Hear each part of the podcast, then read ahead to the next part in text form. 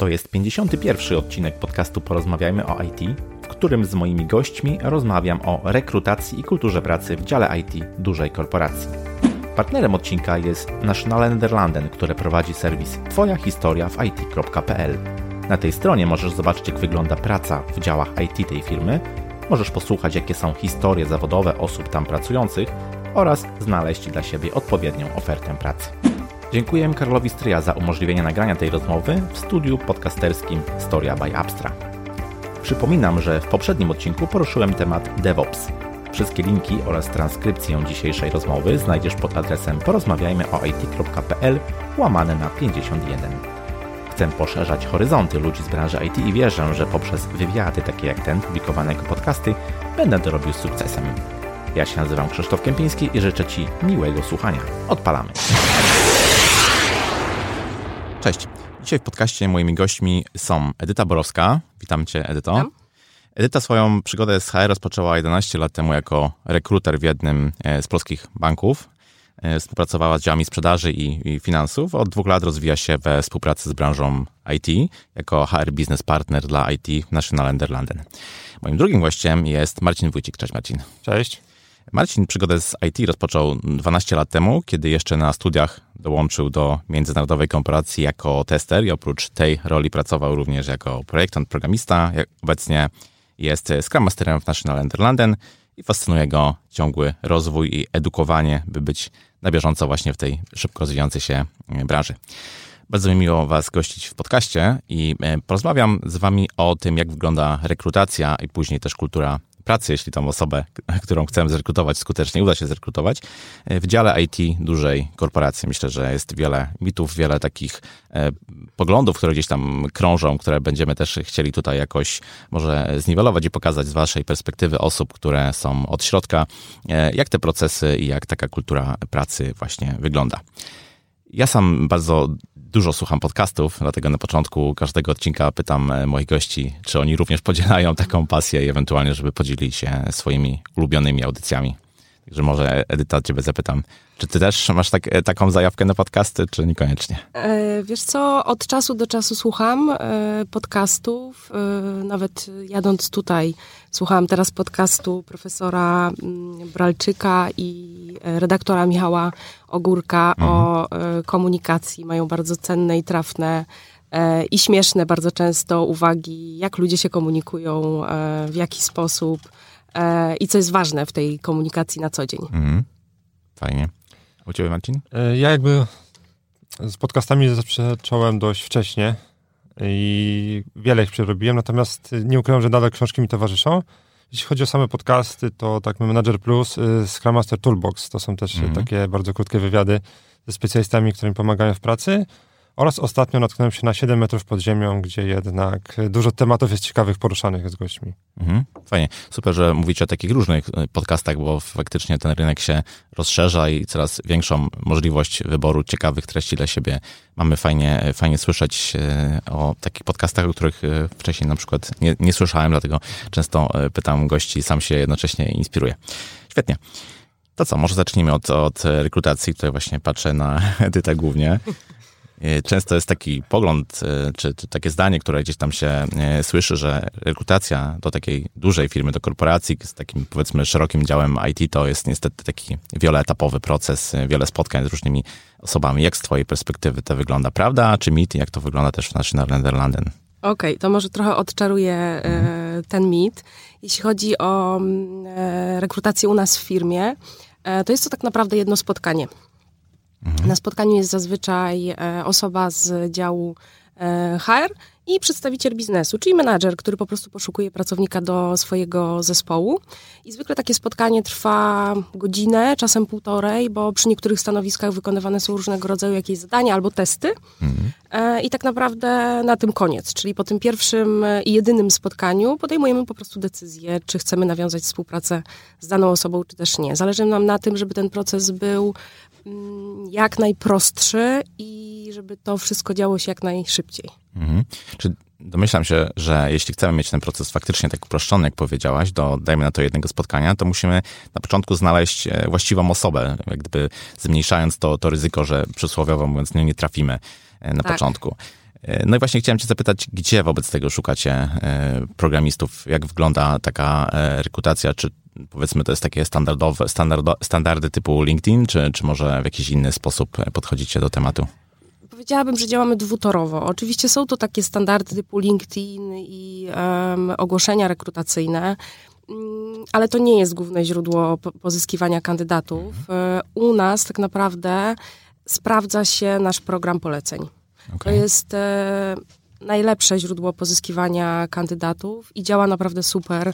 Nasi pracownicy polecają te e, osoby swoich znajomych czy przyjaciół z, z innych firm i myślę, że to jest też mm, no, najlepsze zapewnienie, że wybieramy właściwą osobę, jeśli pracownik poleca kogoś, mhm. z kim chciałby rzeczywiście pracować w zespole. Jasne. Ale mimo wszystko opieracie się na wewnętrznym dziale e, rekrutacyjnym. Tak, tak. tak. Mamy mhm. wewnętrzny e, dział rekrutacyjny. Mm, jest on w taki sposób, praca jest w taki sposób zorganizowana, że mamy mm, rekrutera dedykowanego właśnie stricte do współpracy z obszarem technologii.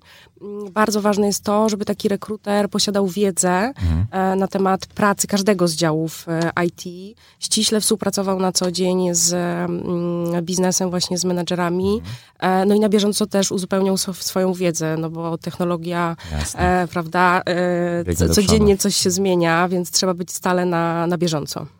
Mhm. Okej, okay, a czy taka osoba, która dopiero początkuje, która powiedzmy jest e, juniorem, która myśli o tym, żeby, nie wiem, może pierwszą swoją pracę dopiero znaleźć, ma szansę na e, pracę w, w korporacji, w takim dużym już, e, powiedziałbym, dziale, który no, ma pewne procesy wypracowane, ale też oczekuje, że po prostu osoby, które będą zatrudnione, będą reprezentowały pewien e, poziom, będą posiadały pewną wiedzę, pewne kompetencje, czy, czy jest w stanie się wpasować. I też jak gdyby cofnę się jeszcze, to znaczy, czy praktykanci to też jest taka grupa, która potencjalnie mo może być jak gdyby u was na stażu, powiedzmy, i w ten sposób się rozwijać. Tak, jak najbardziej mhm. jest, to, jest to możliwe. Poszukujemy zarówno takich ekspertów, osób doświadczonych z rynku, ale też mamy drzwi otwarte dla mhm.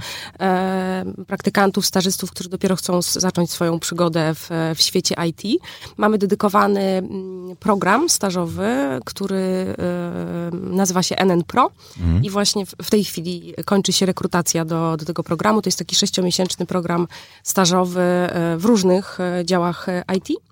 E, no i po sześciu miesiącach e, tak naprawdę zapada decyzja, czy dana osoba chce z nami pozostać, czy mamy też takie my możliwości i rozwijać się w, w danym obszarze.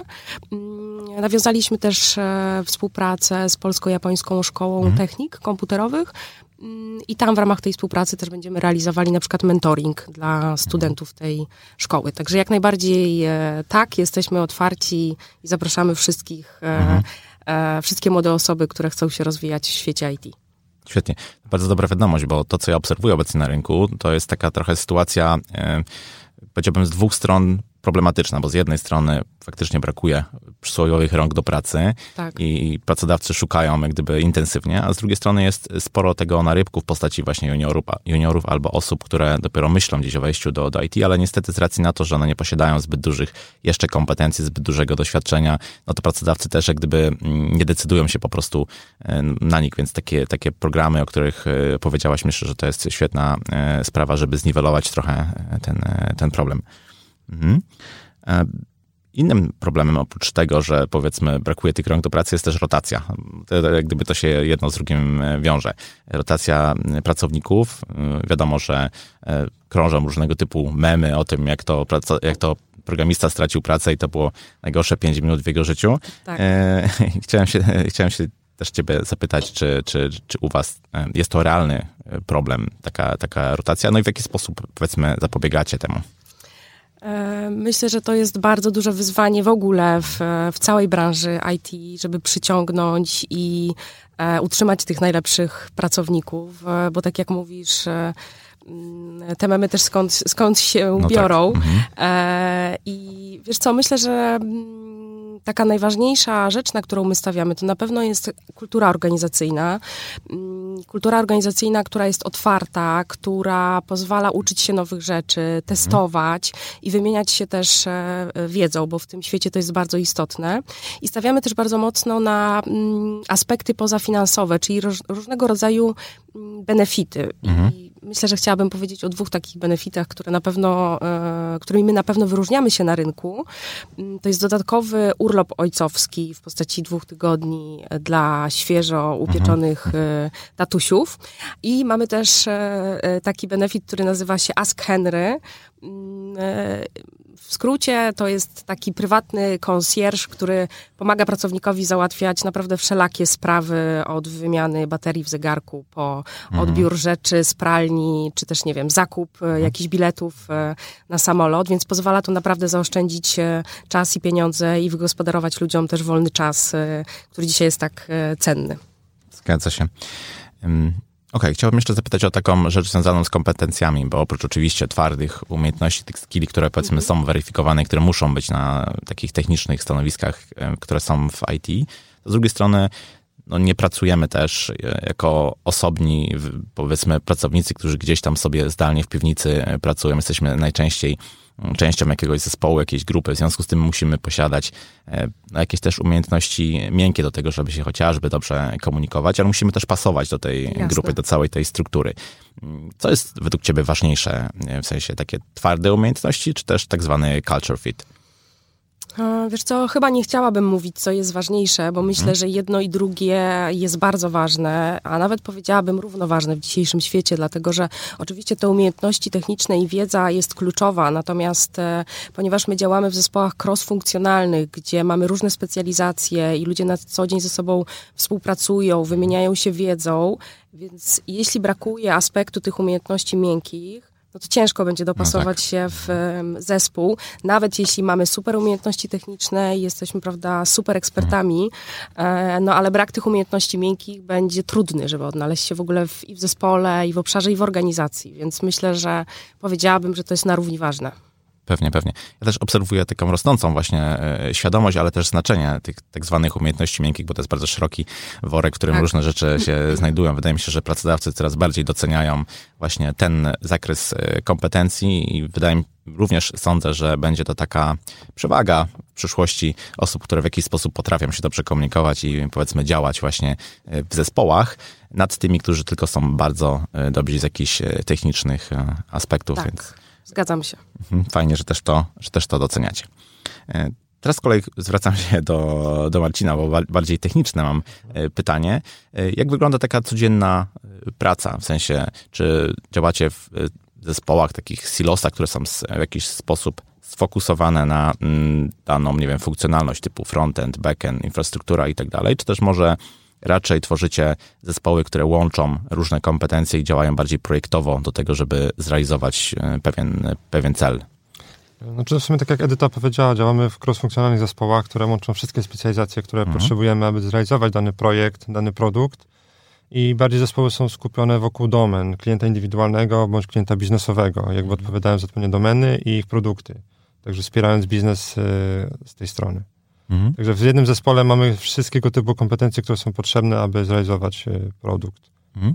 A jak to się wpasowuje w taką filozofię DevOps, która jest teraz bardzo popularna do tego, żeby powiedzmy no w jakiś sposób e, całościowo e, angażować zespół w, w dowożenie nie tylko funkcjonalności, ale też myślenia o tym, jak to się ma do, do biznesu po prostu firmy. Znaczy ma się to głównie tak naprawdę z tej strony patrzymy mhm. na to i deweloperzy, jakby cały rozwój świata IT dąży do tego, żeby zrozumieć świat biznesu, i bez tego jakby nie jesteśmy w stanie tworzyć e, sztych na miarę rozwiązań dla nich. Okay. Więc e, zespoły muszą najpierw zrozumieć tak naprawdę, co jest problemem danego biznesu, jak chcą rozwiązać dany temat i dopiero później szykują, jakby szyją rozwiązania dla nich. Mhm. Tak więc filozofia DevOps, bądź dalej DevSecOps jest jakby najbardziej tutaj wskazana, jakby w tą stronę idziemy. Mhm. Okej, okay, jasne.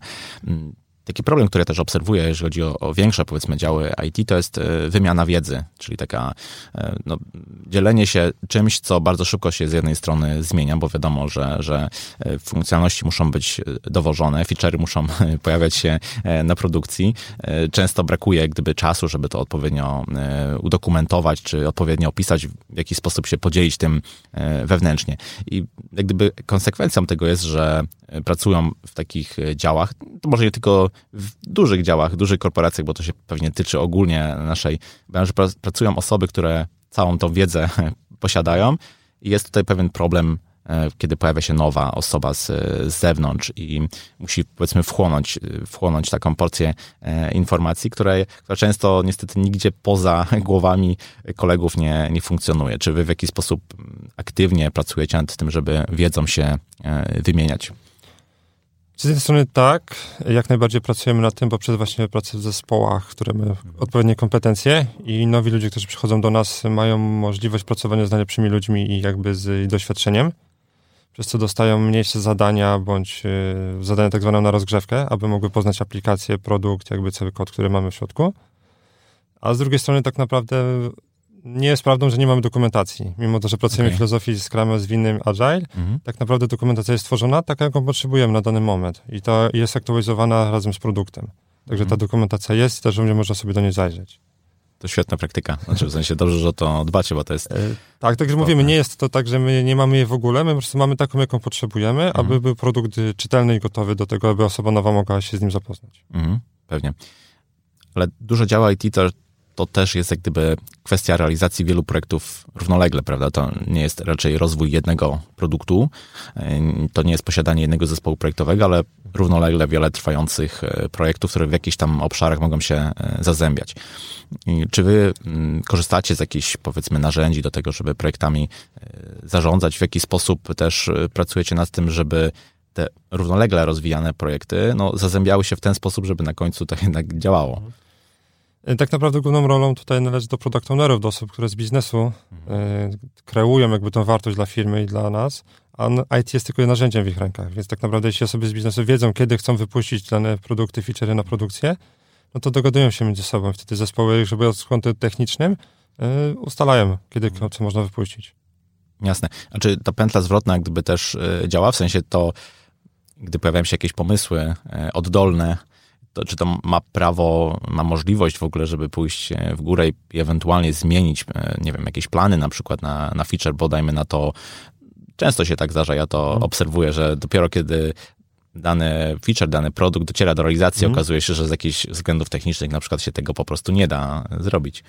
E, jak najbardziej, tak. Znaczy, głównie zespoły deweloperskie mają, e, przyjmują inicjatywę, jak dany cel wykonują biznesowy, hmm i jakby biznes tylko wskazuje, ok, chcielibyśmy mieć dany feature czy dany program, mhm. natomiast to zespołom roz, oddajemy tę inicjatywę, dajemy tę odpowiedzialność, jak oni go wykonają. Mhm. W związku z tym jakby ta inicjatywa idzie oddolna, ok, możemy dostarczyć wam taką taką funkcjonalność na dany dzień albo na inny. Mhm, rozumiem. Czy jest pewna, pewna swoboda, pewna e, doza... Tak, jak najbardziej. Tak naprawdę wychodzimy z założenia, mhm. że to deweloperzy bądź e, osoby, które odpowiedzialne za produkcję danego programowania softu, bardzo dobrze wiedzą, co robią. Mhm. jakby to na ich barkach spoczywa, aby to było wykonane w najlepiej możliwy sposób.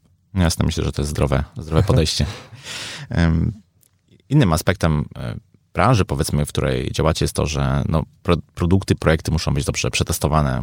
Trzeba zadbać tutaj o bezpieczeństwo tych, e, tych rozwiązań. To jest jak gdyby, jak gdyby e, kluczowe. W jaki sposób zabiegacie o te dwa aspekty, czyli właśnie jakość z jednej strony i bezpieczeństwo z drugiej? Mm, dobra, to pewne pierwsze pytanie, czyli jakość. Mhm. Tak naprawdę zespoły deweloperskie, które wykonują daną, funkcjonalny dany program, odpowiadają za dostarczenie w odpowiedniej jakości tego. Mhm. I one jakby ręczą swoją odpowiedzialnością, że tak powiem, mhm. że to jest y, przetestowane, gotowe do wdrożenia na produkcję. Także tutaj jakby my się nie martwimy, bo zespoły, które wytwarzają ten produkt, one go później utrzymują, serwisują mhm. i supportują. Mhm. Tak więc tutaj sami sobie też nie strzelajmy w kolano. Jasne. Więc jeśli wykonamy dobry produkt, to później mniej czasu spędzamy na utrzymaniu go. No tak, ma, ma to sens. A to oznacza, że w tych y, cross-funkcjonalnych zespołach, o których y, mówiliście, też działają testerzy, czy to tak, raczej jest osobna? Jak najbardziej. Tak najbardziej. Okay. To są wszystkie kompetencje, jak wspomniałem. Mamy deweloperów, hmm. niezależnie czy to jest front, backend, hmm. analityków, testerów. Jeśli jest potrzeba, też inne specjalności są dołączane. Mhm. Myślę, że to jest lepsze podejście niż w przypadku takich odosobnionych zespołów e, testerskich, bo jeśli e, tester na przykład w takim zespole od początku istnieje, no to on siłą rzeczy dobrze rozumie tą domenę, w której się porusza i znacznie lepiej potrafi e, przetestować dane, dane, tak, tak, dane rozwiązanie. Także to pracuję też w filozofii Scrama zwinnej. Mhm jakby na wszystkich spotkaniach wszyscy biorą udział, łącznie z testerem, który ma również wpływ na budowę okay. tego oprogramowania. Mhm. Bo podczas budowy oprogramowania testerzy zastanawiają się, jak my to przetestujemy później. Więc mhm. to też jest ten problem, że mhm. pytamy, rozmawiamy z deweloperami, jak to dalej zrobić, mhm. aby to zostało dostarczone. Mhm. Jasne. Czy podobny wzorzec, jeżeli chodzi o bezpieczeństwo, też jest u Was stosowany? nie do końca jeszcze na tym etapie, dlatego że przechodzimy transformację i wprowadzamy model DevSecOps, kiedy okay. security będzie dołączane do poszczególnych projektów i zespołów, wtedy będą mogli dalej pracować. Obecnie mamy osobny dział security, który bierze udział oczywiście w budowaniu projektów, natomiast nie takiej codziennej pracy. Jasne, rozumiem. Okej, okay, to na chwilę wyskoczę z tych technicznych pytań. I e, pytanie bardziej tutaj do, do Edyty, myślę, o dress code bo no często właśnie z korporacjami kojarzy się jakiś dress code. Wiem, że IT to może jest trochę specyficzna e, branża, ale no mimo wszystko, czy jakikolwiek obowiązuje, czy to ma jakiekolwiek znaczenie? E, no, to jest bardzo ważny temat i okay. E, no, zdecydowanie obowiązuje i muszę ci powiedzieć, że mamy taką zasadę, że codziennie musi przyjść E, ktoś w czymś pomarańczowym do pracy, hmm. więc to jest bardzo poważne, a tak na serio... Klient w pomarańczowym krawacie jest mniej awanturujący się. dokładnie. Udowodnili to na pewno amerykańscy naukowcy. Tak, tak dokładnie tak. E, tak na serio mm, powiedziałabym, że mamy casualowy po okay. prostu dress code. Nie mamy jakichś specjalnych wytycznych i wymogów co do, co do ubioru, ale to nie dotyczy mhm. tylko IT, tylko w ogóle no powiedziałabym, że w firmie. Jasne, okej, okay, rozumiem. A czy zespół w jakikolwiek sposób integruje się jeszcze poza pracą i czy, nie wiem, czy pracodawca w jakiś sposób wspiera właśnie taką, taką integrację? Jasne, jak najbardziej. E, mamy różnego rodzaju imprezy firmowe. Jesteśmy teraz przed najbliższą imprezą mhm. świąteczną. W najbliższy piątek mamy imprezę z lat 90., także jesteśmy w trakcie przygotowywania o, się e, przebrań. Mamy też imprezy letnie, mhm. jako cała firma. Mamy taką kulturę organizacyjną, że mhm. celebrujemy i świętujemy różne wydarzenia. No i myślę, że samo IT wewnętrznie też ma różnego rodzaju spotkania e, integracyjne. E, tak, jak najbardziej zdarza nam się również po jakichś dużych bądź mniejszych e, sukcesach mhm. je świętować. Także cieszymy się nawet z małych zmian i zespołowo jakby też wychodzimy. Świetnie, świetnie. E, ja też jak najbardziej wspieram takie, takie inicjatywy. Sam działam głównie w, ze startupami, pracując zdalnie, więc dla mnie to też jest dodatkowa szansa do tego, żeby się spotkać po prostu z, mhm. z, z, kolegami, z, ze znajomymi, których często gdzieś tam tylko na, na Slacku albo w jakiś, z jakiejś wideokoli e, znam. No i właśnie nawiązując do tej pracy zdalnej. E, czy korporacja i praca zdalna, czy to może działać? U was to w jakiś sposób funkcjonuje? Jak Jasne. najbardziej. Mhm. Jak najbardziej. Z chęcią posłucham. E, powiedziałabym, że tak, w standardzie mamy pracę zdalną dla każdego. Mhm. E, średnio to jest jeden dzień w tygodniu, okay. Ale to zależy tak naprawdę od e, potrzeb e, i tego też, co dana osoba wykonuje, no mhm. no bo czasem e, zależy od projektu, tak, od tego, co się dzieje w danym momencie. Jak najbardziej jest to, jest to możliwe, jest to szeroko wykorzystywane. Super. Um, czy jeden dzień, jeden dzień w tygodniu i to można sobie dowolnie Tak, wybrać, oczywiście czy? trzeba dogadać, tak? Jasne. Kiedy, kiedy by to, to raczej chodzi być. o to, żeby zespoły ze, tak. między sobą e, Rozumiem. dogadywały, kiedy mogą brać zdane, kiedy są potrzebni w biurze. Mhm, mhm, świetnie. Fajnie, bo to jest taka dodatkowa możliwość do tego, żeby faktycznie nieraz wykorzystać ten czas trochę zmarnowany na różnego typu dojazdy i tak dalej, tak. i tak dalej. Wiadomo. Fajnie. Dobrze, że zmiana w korporacjach pod tym kątem też, e, też istnieje, mm, też zachodzi, bo ja mam taki punkt widzenia, że to się faktycznie sprawdza. W sensie ja widzę po sobie, że produktywność moja w momencie, kiedy pracuję zdalnie, jest większa niż kiedy pracuję w biurze. Wiem, że różnie różne osoby mają, bo nie wszystkim E, praca gdzieś tam w, w piżamie z, z, z, salonu pasuje, ale no w jakiejś tam sensownej konfiguracji to może przynieść e, fajne, e, fajne benefity. Okej. Okay. Chciałbym teraz zapytać też o taki aspekt po części technologiczny, po części gdzieś tam może biznesowy. Mianowicie mm, utarło się takie rozumienie, takie pojęcie, że korporacje często korzystają z rozwiązań innych korporacji, jeśli chodzi o właśnie tutaj oprogramowanie głównie, czyli z jakichś sprawdzonych już rozwiązań, E, które zostały wdrożone w innych olbrzymich korporacjach i jak gdyby boją się mm, takie korporacje eksperymentować z, z open source'em, prawda, z rozwiązaniami, które są e, otwarte. To, oczywiście ma to różne tam swoje uzasadnienia, natomiast no, chciałbym zapytać, jak, jak, to, jak to u was e, wygląda? Czy korzystacie na przykład w momencie rozwoju albo, nie wiem, kiedy powstaje nowy produkt, czy brane jest pod uwagę w ogóle jakiekolwiek rozwiązania open source'owe? Jeszcze trochę odpowiem jak konsultant, to zależy. Następne pytanie, dziękuję. Ogólnie patrzymy na to, co jest na rynku i co możemy tak naprawdę dostosować do swojego potrzeby, do projektu, który teraz obecnie realizujemy. Jeśli nie spełniają komercyjne rozwiązania albo zamknięte dla nas, wtedy budujemy open source'a. I tak naprawdę ja teraz pracuję przy aplikacji K2, która jest cała zbudowana na open source. Mhm. Głównie Spring Boot, y, React.js, mhm. Studio. Tak naprawdę patrzyliśmy, co jest na rynku i stwierdziliśmy, że ok, musimy szyć dla siebie na miarę, bo takie, mhm. taka aplikacja była nam potrzebna, takie rozwiązania. Jest to większy koszt wejścia, na pewno, natomiast patrząc długoterminowo, było dla nas to dużo łatwiej zrobione, gdzie deweloperzy po pierwsze się mogli nauczyć, po drugie znali bardzo dobrze kod źródłowy, więc wiedzieli gdzie, co, jak w danym momencie można było okay. zrobić i poprawić bardzo szybko. Jasne. Mówiłeś na początku o tej swobodzie e, deweloperów, powiedzmy, w, mhm. czy takim zaufaniu też e, w realizacji danego rozwiązania. Czy to jest tak, że deweloperzy mogą sugerować jakieś e, technologie, które są później wybierane? Czy to tak. jest odgórnie po prostu określane w jakiś sposób? Co nie ma odgórnie określane. Jeśli deweloper przychodzi i ma fajny pomysł, mhm. to jesteśmy w stanie go zrealizować. Tylko tak naprawdę chodzi o to, żebyś wiedział tak naprawdę, dlaczego to stosuje, do czego to służy i jakie doda wartość dla firmy, dla nas. Okay. Bo wiadomo, że jeśli budujemy na reakcie i teraz ktoś przyjdzie z Angularem jedynką, no to może nam tutaj coś nie zagrać. -hmm. Natomiast jeśli wiemy, że ok, nowa technologia jest fajna, chcielibyśmy ją wypróbować, no to możemy kawałek powiedzmy systemu poświęcić na to, żeby wypróbować ją i spróbować w niej zbudować. Jasne. Ok, czyli to faktycznie, faktycznie zależy. Um, tak, y, jakiś czas temu widziałem takie badania, co jest ważne dla, dla programistów. Myślę, że to raczej szeroko można e, rozciągnąć tutaj w ogóle na specjalistów z branży IT. I oprócz oczywistych rzeczy, takich jak e, wynagrodzenie, to była, to była też możliwość e, rozwoju szeroko, szeroko rozumianego. Chciałbym was zapytać, jak to wygląda w National Netherlanden? Czy jakie możliwości takiego mm, rozwoju kompetencji IT są możliwe? I to, to jak gdyby też się wiąże z możliwością rozwoju kariery, jakie powiedzmy ścieżki albo jakie możliwości u Was funkcjonują? Chyba też muszę odpowiedzieć, jak konsultant to zależy. E, no oczywiście to zależy od tego, mm, od danej osoby, tak, mhm. w którym kierunku ona by chciała, czego potrzebuje okay. i, i co jest dla niej e, interesujące, ale myślę, że mm, na pewno o rozwoju to nie myślimy tak jak y, kiedyś była taka szkoła, że się szło po prostu kaskadowo, tak, w górę i mhm. było się tam tylko menadżerem albo szefem i żadnej innej możliwości nie było. Na mhm. pewno to są też bardzo duże możliwości crossowe, tak, i zmiany okay. roli, zmiany obszarów. Mhm. Więc tak naprawdę to wszystko zależy od tego, czego dana osoba potrzebuje, czy chce zostać w jednej technologii, czy chce poznać mhm. inne, czy chciałaby w ogóle zmienić rolę i, i, i spróbować zupełnie czegoś innego. E, więc powiedziałabym, że w każdym kierunku i poziomo, i pionowo jest to, jest to możliwe w mm, obszarze IT, ale tak sobie myślę, że mm, fajna rzecz, która też e, dzieje się u nas w, w naszym obszarze technologii, mm, to są przejścia z zupełnie innych obszarów firmy do IT. O, to ciekawe. Mhm. Czyli y, osoby, które są z, mhm. po prostu, wiesz, z innych, z innych obszarów, y, postanawiają w pewnym momencie, że być może fajnie byłoby rozwijać się w IT. Mhm. I mamy takie przykłady y, przejść osób na przykład z obszaru operacji albo z obszaru wsparcia sprzedaży.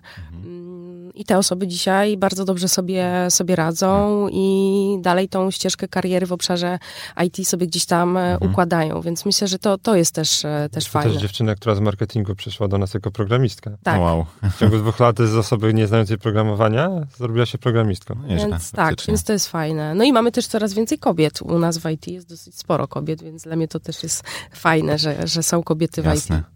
Mhm. A czy jakieś e, szkolenia, e, wyjazdy na konferencje, jakieś budżety na tego typu rzeczy też firma zapewnia, czy to raczej w własnym zakresie trzeba realizować?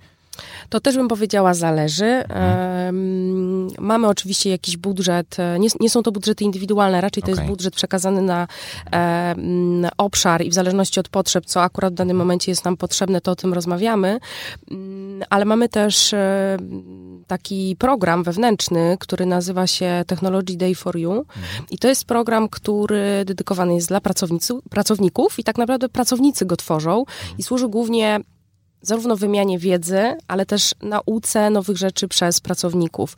Polega to na tym, że pracownik e, może raz w miesiącu mhm. E, wziąć sobie taki, nazwijmy to w cudzysłowie, dzień wolny na to, żeby zrealizować właśnie swoją potrzebę w zakresie rozwoju, no, w zależności świetnie. oczywiście od tego, czego, czego potrzebuje.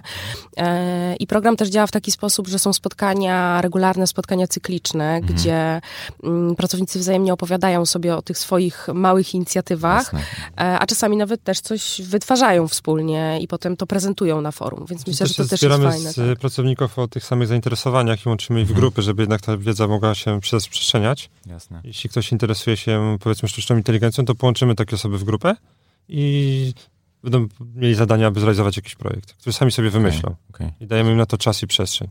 Mhm. Fajnie, bo to daje też taką możliwość wymiany wiedzy, a tak. często też e, zainspirowania się jakimiś innymi tematami.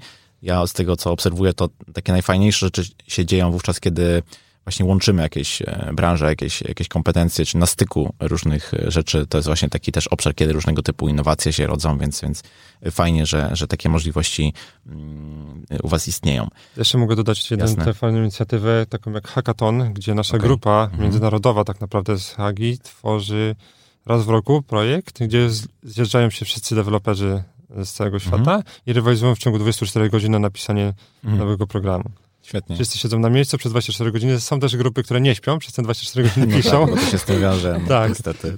i fajne rozwiązania z tego wychodzą. Z Polski tak naprawdę też jest wystawiona co roku grupa, która jeździ tam. Świetnie, świetnie. A ta drabinka rozwoju kariery czy, czy, czy awansu, o której powiedziałaś, czy ona jest jakieś bardzo sztywna, ustalona, są określone, no nie wiem, progi, jakieś cele, które trzeba przejść, żeby móc awansować, czy to raczej jest e, tutaj takie, no, trochę uznaniowe albo zależy? zależy.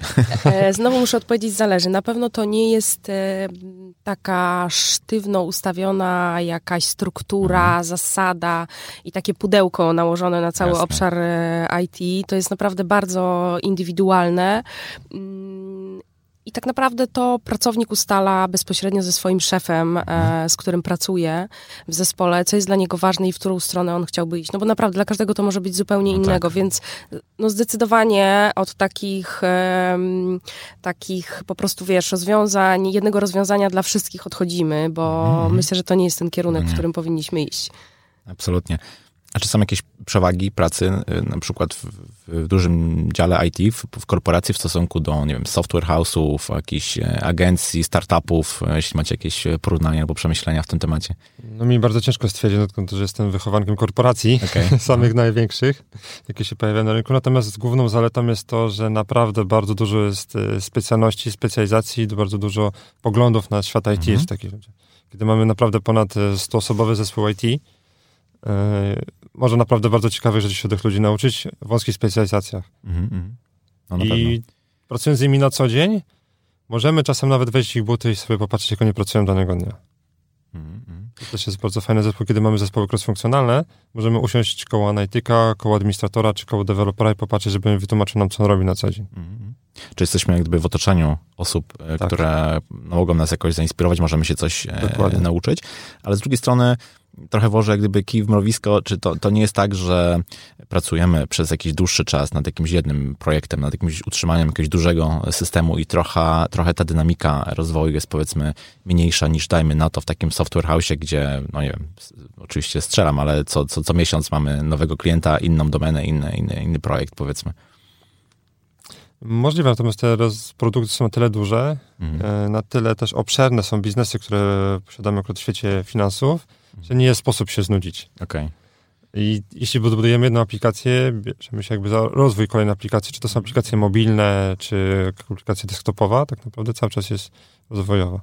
Jednak z jednej strony mamy też bardzo dużo regulacji, które wchodzimy, a z drugiej strony też jest ten rynek bardzo dynamiczny. Jasne. Czyli dzieje się łagodnie mówiąc. Tak. Super. E, czy są jeszcze jakieś e, aspekty według Was e, pracy właśnie w, w korporacji, w, w dużym dziale IT, o których nie wspomnieliśmy, a które według Was warto by było wspomnieć, żeby trochę od, może odczarować różne mity, które krążą na ten temat? Mm, wiesz co, tak. Ja chyba bym chciała też nawiązać do tego, co, co Marcin powiedział, że my współdziałamy z biznesem. Czyli dzisiaj to nie jest IT, które jest, wiesz, działa zupełnie oddzielnie gdzieś tam w tak. firmie, tak. a biznes sobie, tylko IT jest po prostu integralną częścią tego biznesu. Mhm. My nawet y, dziś mówimy, że to jest its e, biznes. Mhm.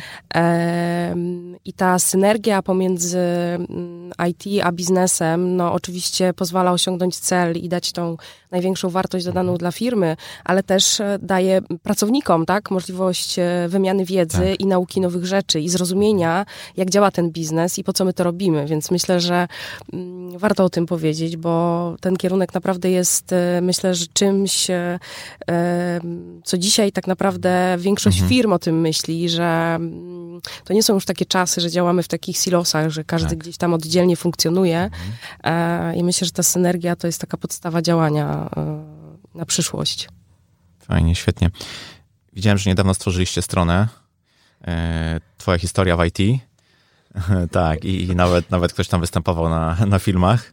Także, tak, także miałem okazję brać tak, udział. Tak, tak. E, możecie trochę opowiedzieć o tej inicjatywie, co ona ma na celu, po co, po co ta strona powstała, ten portal? No, głównie cała kampania powstała to, żeby przybliżyć świat IT ludziom e, z firmy. E, miała też aspekt rekrutacyjny, ale głównie też chodziło o to, aby pokazać, że jednak firmy ubezpieczeniowe czy firmy bankowe to nie są tylko zamknięte światy hmm. biznesu, ale głównie to są zaczynają być to korporacje technologiczne z licencją finansową, gdzie jednak świat IT bardzo dużą rolę odgrywa w obecnym świecie. Mhm, mhm. Świetnie. Zapraszamy oczywiście wszystkich na, na tą tak, stronę. Oczywiście. Będzie też y, podpięta w notatkach do, do tego odcinka podcastu. Super. Ja Wam bardzo dziękuję za ciekawą rozmowę. Ja z drugiej strony miałem ma, bardzo mało do czynienia z e, korporacjami, więc dla mnie ta rozmowa była bardzo odkrywcza. Dowiedziałem się e, sporo ciekawych e, rzeczy i myślę, że rozwialiśmy dużo mitów, które właśnie krążą, tak to Edyta powiedziałaś, o tym, że to jest taka praca zamknięta, może mniej rozwojowa.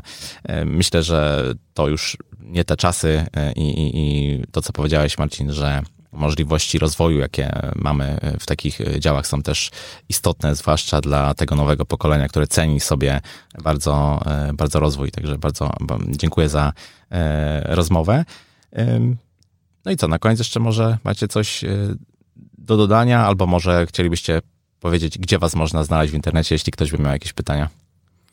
E, w internecie to myślę, że można nas znaleźć na LinkedInie, na naszych profilach mm. LinkedIn. No zapraszamy oczywiście wszystkich e, chętnych na naszą stronę Twoja historia w IT. Jeśli chcieliby mm, się z nami spotkać i porozmawiać, to jesteśmy otwarci jak najbardziej. Zapraszamy do kontaktu. Zapraszamy. Świetnie, bardzo Wam dziękuję. Dzięki. Dziękujemy. Cześć. Cześć. I to na tyle z tego, co przygotowałem dla Ciebie na dzisiaj. Mam nadzieję, że trochę odczarowaliśmy powszechne przekonania o pracy w dużej korporacji. Jeśli dotarłeś do tego miejsca, znaczy to, że odcinek Ci się spodobał. Będzie super, jeśli wystawisz ocenę lub recenzję podcastowi. Dziękuję. Jeśli masz jakieś pytania, pisz śmiało na krzysztofmałpa porozmawiajmy o it.pl. Ja się nazywam Krzysztof Kępiński, a to był odcinek podcastu Porozmawiajmy o IT o rekrutacji i kulturze pracy w dziale IT dużej korporacji. Zapraszam do kolejnego odcinka już za tydzień. Cześć!